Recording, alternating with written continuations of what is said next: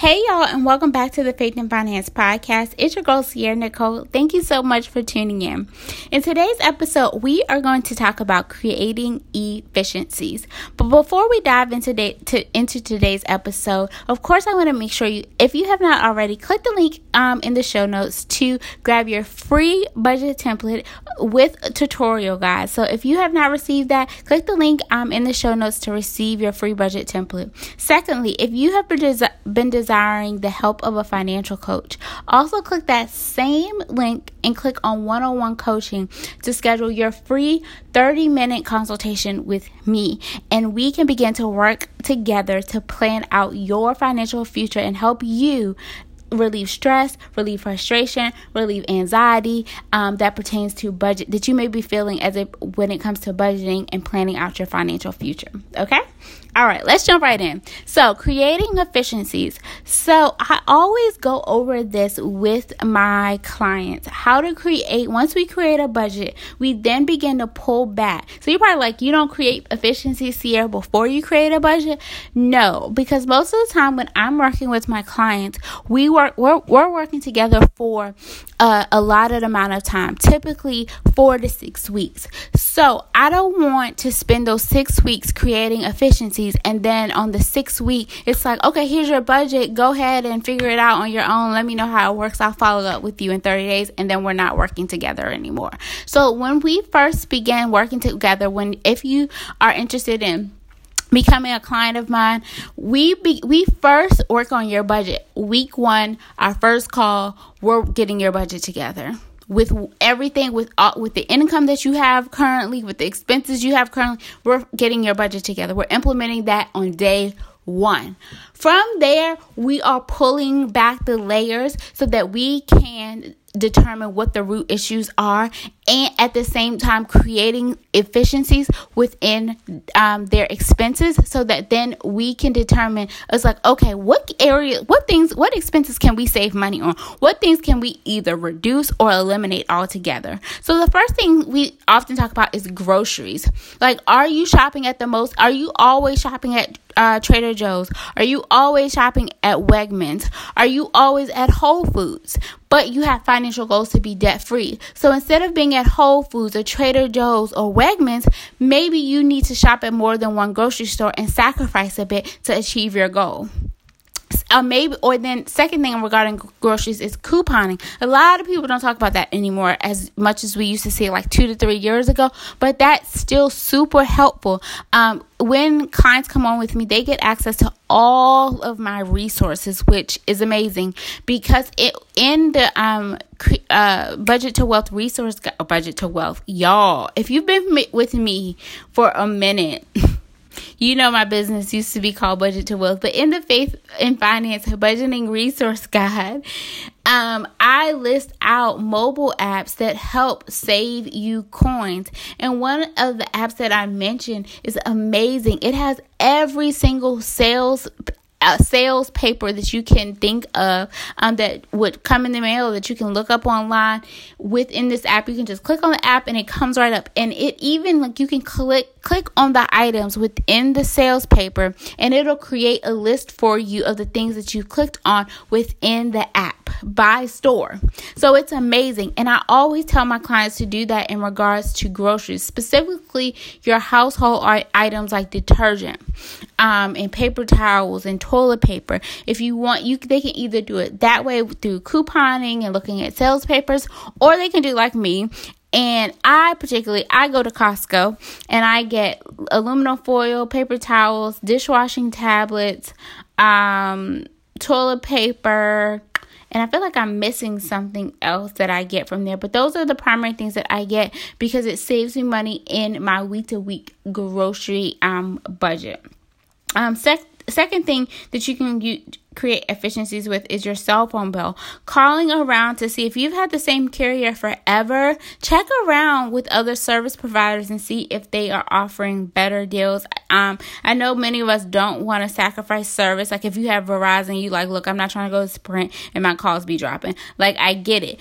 And on the other end of that, you could call Verizon to see if there are certain specials um that they may have going on that would reduce your bill. Like I'm still, I'm 33 years old. I'm still on my mama plan.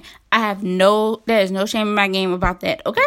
Um, I, and there's no need for me to change to get off of her plan just to say, oh, my phone bill is coming in in my name. Like I don't need that. I'm I'm gonna pay you, and we share we share minutes. Like we are on an unlimited plan. But the reason I I pay fifty six dollars a month for my phone bill because my phone is now paid off with Verizon, but I pay fifty six dollars a month, and I have an unlimited plan with them because my mom has been with Verizon since I was in high school. So because of that, and I had called um, earlier this year and asked what promotions they had going on. The the representative that I spoke with told me she was like, "Well, since you guys have been with us for so long." And I think it was also due to my mom's age. Um, that they gave us a discount and only thing we had to do was automate our payment every month and i was like yes yeah, sign us up so i signed us right up for that payment to come right out of my bank account every single month so our um, bill is reduced big time because of that and we get um more we get more minutes because before we were not on an unlimited plan, which was crazy, especially for me. I was finding myself all the time paying more because um I wasn't, if I'm not always in an area with Wi Fi. And I mean, just being in the age where technology is so huge, Instagram would take up so much of my data. So, next thing, cable if you're not using cable, you're not watching all 200 channels. Um, you will be surprised at how much you don't watch TV and how much you won't miss it when you take away cable. So I encourage you to call your service provider and see if they have any discounts or promotions, or um, even consider canceling it at least for a moment. Like at least try it out for like three months and see how it is um, and see if you really do miss it. Because I promise you, most people that cut cable don't really miss it. Um, they usually substitute it with something like Netflix or Hulu or something like that.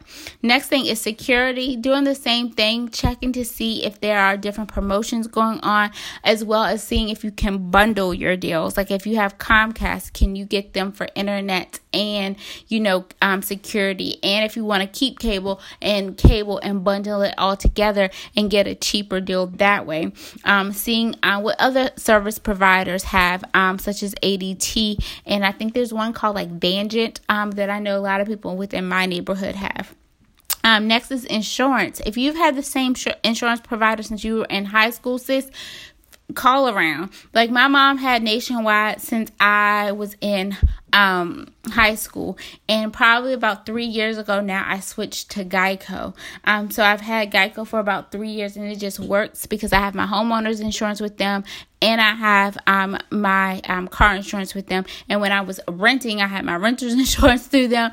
Um and it's cheaper for me because i bundled the services. Um the same thing with internet. Call your service provider see if you can bundle um your services. You should be doing this every six months, guys. So you want to make sure you do it maybe at the beginning of the year and then um again like in June um, so put a notifications in your phone to remind yourself to do this throughout the year, um, so that you don't forget. Because if not, you're just gonna keep paying these high. They're not gonna nine times out of ten tell you about different promotions that they have going on, and oftentimes they're not on their website. So you have to ask questions to see if you're getting the best deal, and also do your research online. I'm googling YouTube. There are a ton of YouTube vloggers that talk about ways that they cut expenses do your research. I cannot like even begin to tell every single way or every single thing to do in a podcast or even in a blog. Um, because for one, it just depends on the person's um your particular circumstance. But this is just to this podcast, the point of this podcast is to make you aware that like you need to be doing your research um, on these topics to help you create efficiencies in your budget to reduce your expenses. Also, another thing that you can do to help reduce your expenses are subscriptions. Um, I'm not the type of person to say cut Netflix because I say get Netflix and cut cable, honestly. So keep Netflix um, and keep you know certain uh, you know if it's if you're actively using this subscription, I say keep it. But if it's something that you're not using or you're only using it once, maybe you know twice a month, if you still get magazines, sis, please cancel that because I don't know nobody that read magazines. Cancel your subscription to Ebony Essence or whatever whatever. Maybe you signed up for your mama, your grandma. Like, listen, tell her you got goals right now and you got to cut back. You got to cut the Ebony or the Essence um, subscription. But really take a look at what's coming out of your bank account that you may not even. That's one thing. And the best way so when clients work with me, before we even began um, before we even have our first call, the first thing I have them do is to print out three months of their um, bank statement and then highlight anything that's not a fixed expense to determine their spending habits. So, what I want you to do, that's a great way to begin to create efficiencies to really see what you spend money on and what you need to scale back on is to print out three months of um, your bank statement and highlight um, the things that aren't fixed. So, what I mean by fixed is the things that you're not, that you, not, things that are not fixed are things like, oh, I went shopping, I went to this restaurant, I went to this brunch, oh, we decided to go on a road trip, um, this vacation that was not planned for, things like that that are not fixed. Oh, we went to happy hour today. Um, oh, I gave, I, I let someone borrow money. Like, how many times are these things like things like that happening?